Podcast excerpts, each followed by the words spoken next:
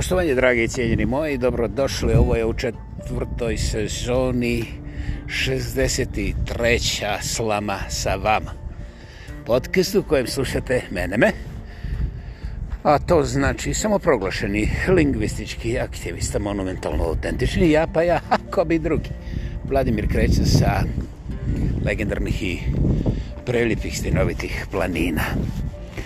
Januar je i po godine davno do moga rođendana. Eto, ako vam se nekako računa, ili ako vam se nikako ne računa, možete preskočiti sve to i ne morate mi čistiti rođendan.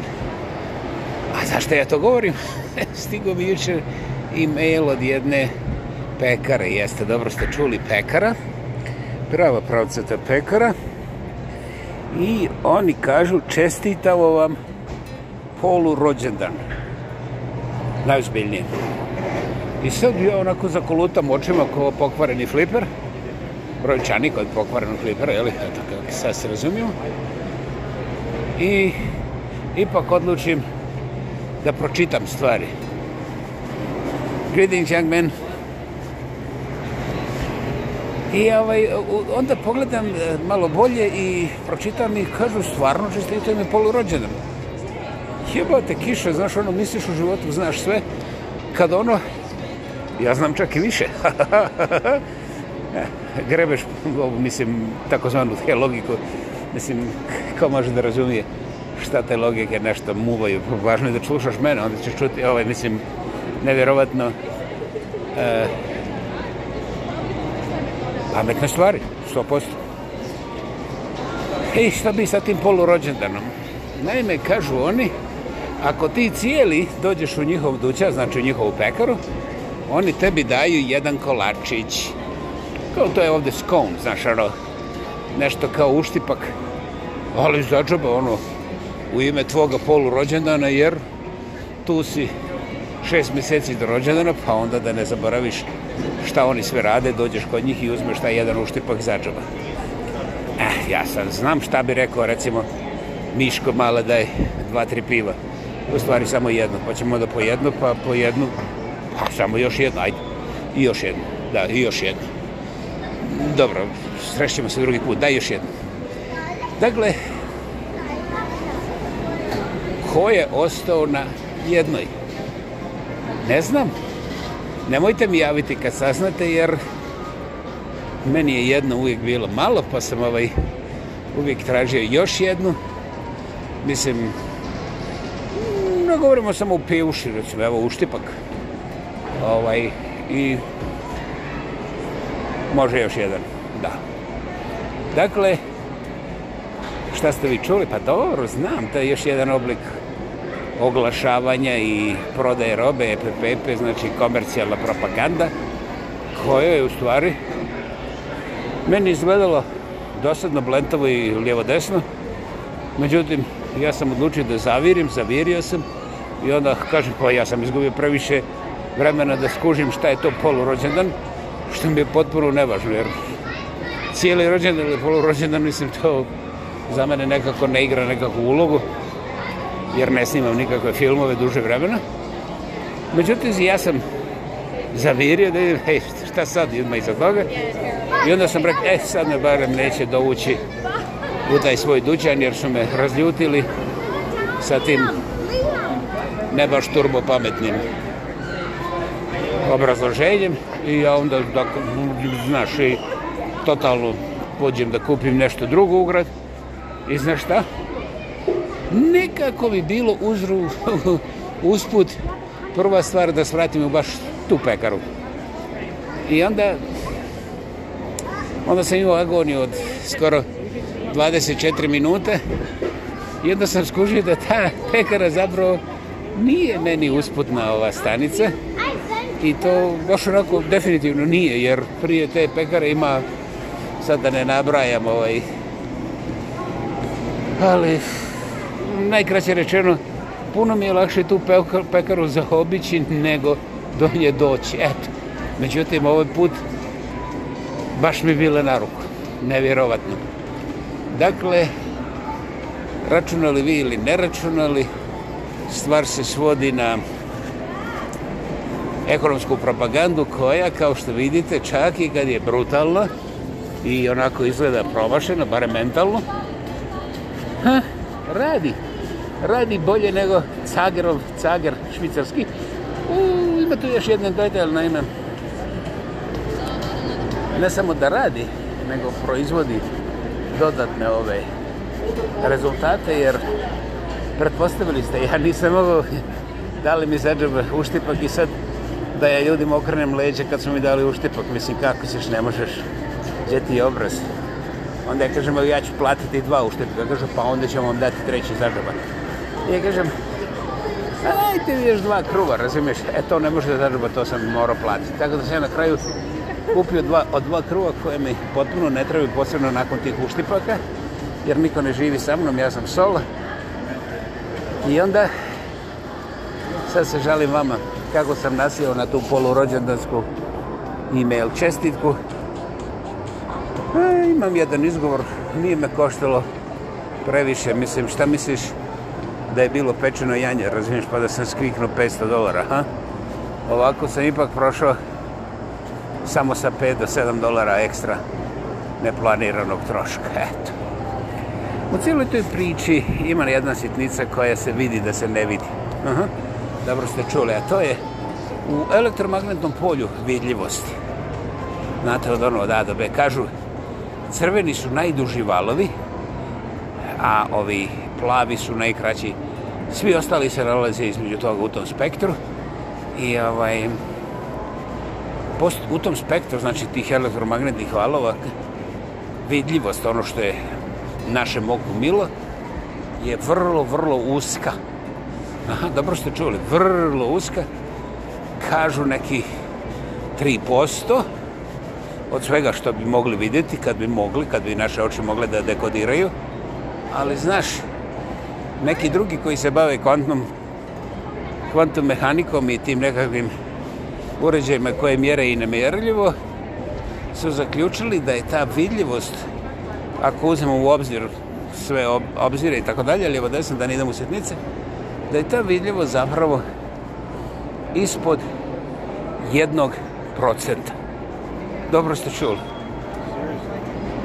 E sad, kad će meni neko reći, evo, pošto, pa kako ti to kažeš, da mi vidimo tek svaki stoti elemena, svaku stotu tačku koje u stvari mi gledamo, budimo i tako dalje. Pa znate, ja vam ne kažem ništa. Ja samo ovaj, snimam jedan prekrasan podcast koji volim, koji dosta ljudi voli, koji, koji se sluša aktivno u momentu kad ja govorim u 16 zemalja svijeta, što je za mene impresivno, jer da se sluša u 1,6 zemalja svijeta, ja bi nekako opet bio uhuhuhu, ono, presretan. Jer mi je drago da neko sluša. Znači, ovdje, kod nas, nisu bitne brojke jer mi ne prodajemo ništa. Mi nismo ekonomska propaganda, nismo politička propaganda. Jednostavno nismo propaganda. Ali volimo se čuti jer eto, živi smo i u tom smislu je lijepo tu i tamo reći ponešto. Dakle, da se vratimo na ovih ispod 1% vidljivosti, ako bi bilo i 3% kao znatno više, opet bih morao podsjetiti da ostaje 97% nevidljivo. Znate? Pa kad bi bilo čak i 30% vidljivost, onda opet 70% je nevidljivo. Razmislite, neće vam trebati fakultet da primitite kako je gotovo tragično koliko smo slijepi na sve što doista postoje oko nas i kako vrlo brzo otkrijemo šta je ptica žerisnica, koja je točka zapravo presudna u svemu tome. Dakle, kad vidim dobru guzu, ne gledam bluzu. Bože moj, jer sam imam bluzu, što će mi? Ali kad vidim, mislim, to ispod bluze, onda zaboravim da sam na pješačkom prelazu i ovaj, umalo se spotaknem i padnem. Razbijem sam sebi nos. Ono što većina, apsolutna većina, bez ikakvog suzdržavanja zna, čak i kad nisu u školi, u školu više znaju, a to je da unatoč svemu tome ogromnom što postoji oko nas, a mi ne vidimo, kada se ispred, ispred nas pojavi neko, mi istog momenta znamo stravično koliko znamo i šta sve znamo i koliko je to tako da da ne idemo u sitnice. Ali znamo sve ono što je zapravo presudno. Iako nećemo razmatrati šta je presudno, zanimljivo je kako mi to znamo i kako se onda skoncentrisamo ne na bluze, nego na guze. I onda se pitate zašto te guze rade ovo ili ono. O, sad smo ušli u misteriozno područje. Međutim, kada razgovarate sa ljudima, oni unatoč svoje vlastite slipoće, nevjerovatnom preciznošću pokazuju, on, pogađaju one sitne, nevidljive točke u vašem ponašanju koje vama najviše smetaju i koje vama najviše idu na živce i koje vama mogu naniti najviše štete. Ponovit ću. Eto, može biti i slučajen susret. Znači, interesantno kada ljudi koji su i svjesni i nesvjesni uzmite kako hoćete svih tih ograničenosti našeg vidnog polja, kada se susretnu sa vama, oni bez ikakvih dodatnih stetoskopa, teleskopa, oni odmah vide te male sjedne, gotovo ne vidje točkice koje vama smetaju, koje vas nerviraju i na koje ste vi najosjetljiviji. Pogledajte to. Pogledajte tu nevjerovatnu preciznost koja ja ću ostaviti neobjašnjeno, ali se nalazi u životima svih vas. Svi ste probali to. Ono što niste probali da analizirate je kako ta druga osoba pogodi upravo te male sitne točkice koje vama smetaju, koje vas nerviraju i koje vas toliko živaca koštaju i na kraju krajeva zglajzaju vas iz vašeg redovnog, stabilnog, zdravog raspoloženja. Dakle, to je misterija koju ste vi sami sebi zakuhali, a zbog čega i kako, mada imam nekih ideja, ja neću objašnjavati. Ja sam samo ponovio ovdje zbog toga što se nadam da oni koji žele koristiti kapacitete vlastitog mozga mogu vrlo lako, lako dekodirati otkuda takva osjetljivost u toj gotovo nevjerovatnoj preciznosti, jer eto, barem 70% okolo postoji kao apsolutno sjepilo, onih 30% koji su teoretski, koje sam ja izmislio, jer su ipak to 3%, uspjevaju tako precizno da budu locirane na gotovo nevjerovatne točkice. I onda dolazimo u situaciju da cijeli čovjek potpuno zdravi sav zglajza. Da je ono, gotovo izbrisan iz svoje kože, a nikoga nije dirnuo. Otkuda to? Možda je to dobar moment da razmislite kako političari vojska i tržište sa nama upravi. Kako smo mi zapravo dopustili, jer, znate, nemoguće je da nesposobnjakovići koji danas propovjedaju demokraciju sa toliko prolivene krvi i toliko uništenja, da idu od svakog, da svakog čovjeka pojedinačno pa da objasne i dokažu da njihove demokratske ciljeve. To je nemoguće. A vi ćete reći mas medije. Mas medije je također ovaj, tralala, isto kao svaki drugi cirkus, koje ne može da dođe da vam uspe u glavu ono što vi ne želite. Aha, baš tako. Opa kako da vi razlikujete šta je istine, šta je laž? Pa i to isto, ne morate, nemate tu obavezu. Međutim, ima jedna sitnica koja je vrlo dobro postulirana od Gosem Gebelsa, Jozefa. On nije bio profesor, ali znao je kako se vrišti. Ali ne da vrišti tamo, ne šta je znam, sa prnjavarske lokalne radije stanice. Ne. No, u vratu na svakoj ovoj željinskoj stanici, u isto vrijeme, preko razglasa, on glas, on se glasava i kaže vlak bez voznog reda dolazi na biciklu. I sad nikoga ne sluša. I on to ponavlja svaki dan 24 sata i onda 24 dana po 24 sata. I na kraju, on samo jednog dana, to je 25. dana, eto sad da ne bi mene zbunilo, on prestaje to da kazuje, a sva rulja okolo ide kaže vlak bez voznog reda dolazi na biciklu, vlak bez voznog reda dolazi. I onda čujete Zdravko Čolić pjeva vlak bez voznog reda. U šumu, u šumu, nije u šumu, a dolazi sa biciklom, da dakle, nama je važno da pronađemo krivca.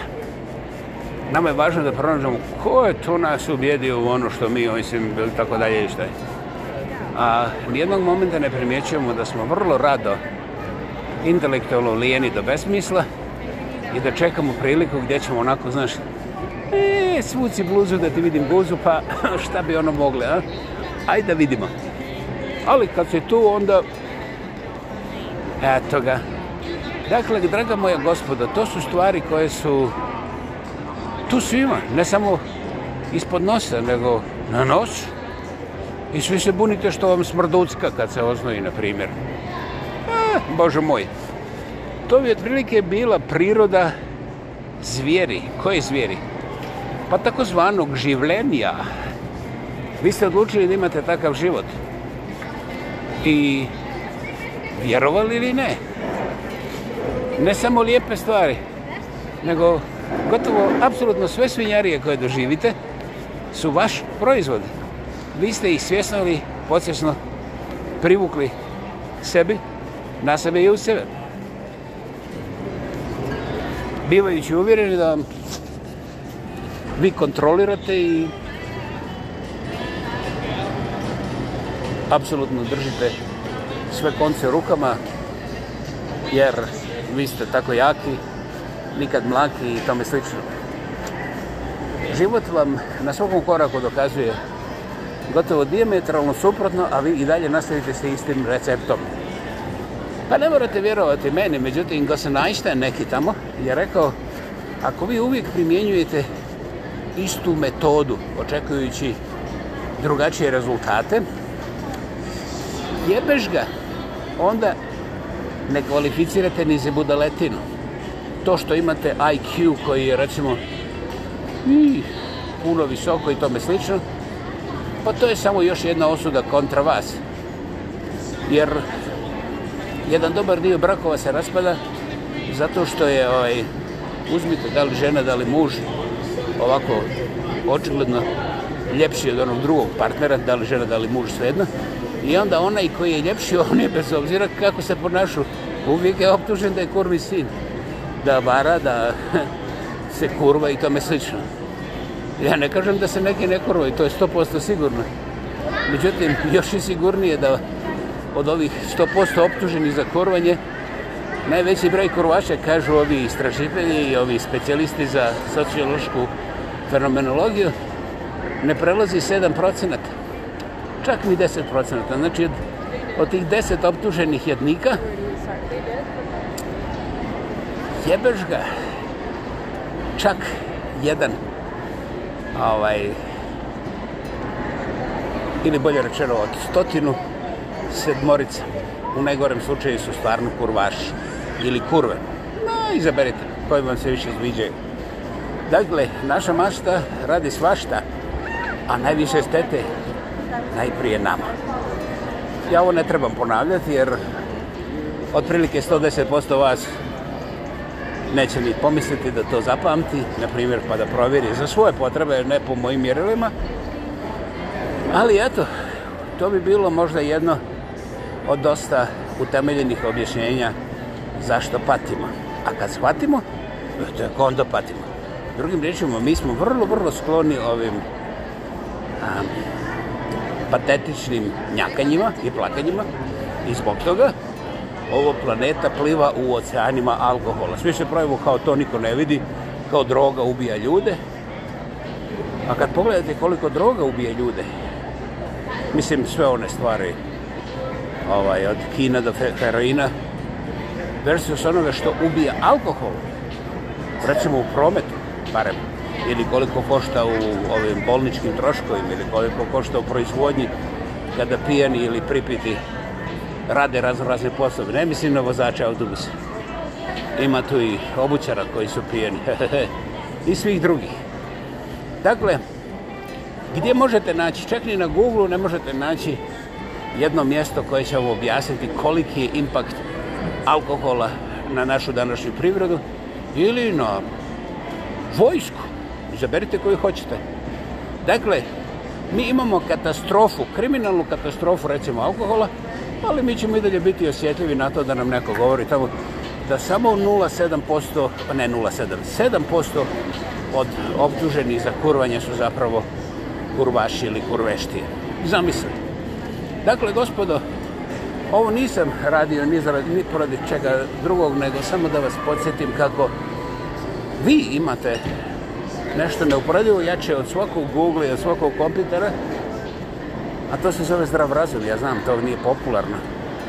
Pokušajte iskoristiti ove informacije i protresite svoja viđenja svega toga, pa ćete primijetiti da ima prostora da u ovom životu budete ne samo zadovoljni i sretni, nego Boga mi uspješni i beričetni, ono, baš, baš masno, baš kvalitetno.